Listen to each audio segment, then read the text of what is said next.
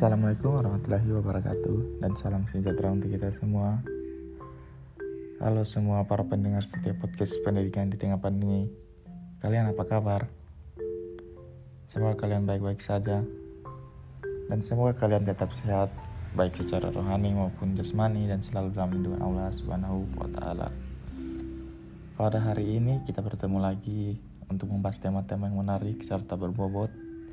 Tentu saja masih di podcast kesayangan kalian semua yaitu podcast di pendidikan di tengah pandemi. Pada hari ini tema yang akan kita angkat yaitu suka duka menjalani pendidikan di tengah pandemi. Menjalani kehidupan sebagai mahasiswa di tengah pandemi coronavirus 19 memiliki banyak suka dan duka. Salah satu hal yang menyenangkan adalah karena perkuliahan tatap muka ditiadakan membuat semua mahasiswa dapat pulang kampung untuk berkumpul bersama keluarga tercinta dalam waktu yang lama.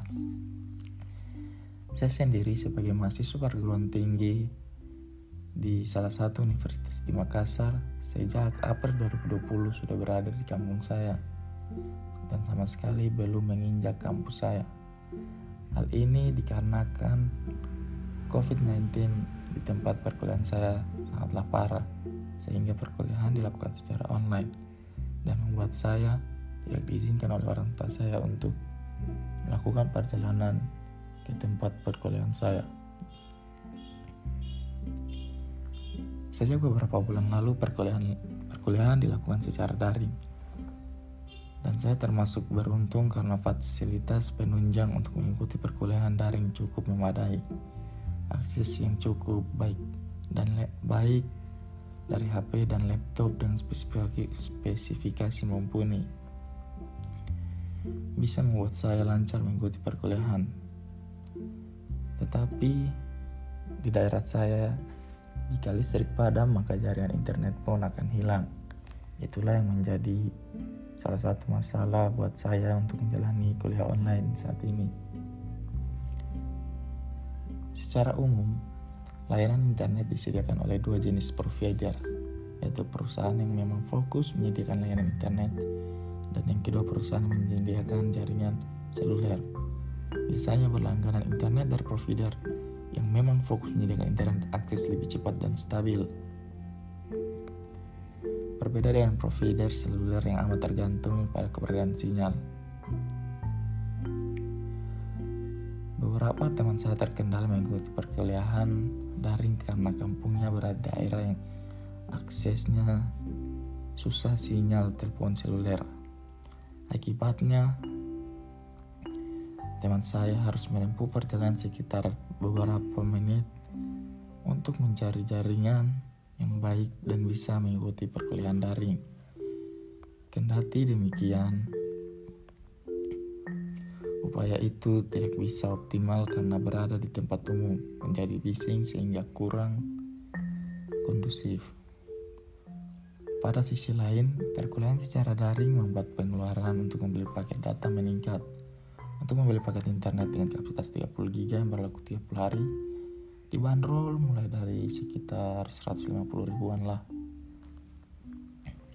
Biasanya sekali perkuliahan secara daring dengan durasi 1,5 jam dapat menghabiskan paket internet sekitar 2 GB. Belum lagi bagi mahasiswa yang pulang kampung uang kos tetap harus dibayar kendati sudah tiga bulan atau beberapa bulan menetap. Tetapi untung saja bagi saya sendiri, bagi saya diri saya pribadi, saya belum memiliki kos di tempat kuliah saya karena saya sama sekali belum pernah ke sana. Selanjutnya, tidak hanya mengikuti perkuliahan daring, bimbingan skripsi, tesis, seminar, proposal, hingga ujian komprehensif pun dilaksanakan secara daring. Salah seorang mahasiswa pasca sarjana di perguruan salah satu perguruan tinggi mengikuti seminar proposal secara daring. Usai pelaksanaan seminar, ia terkendala turun ke lapangan melakukan penelitian karena ada pembatasan sosial berskala besar dan pembatasan fisik sehingga sulit melakukan wawancara.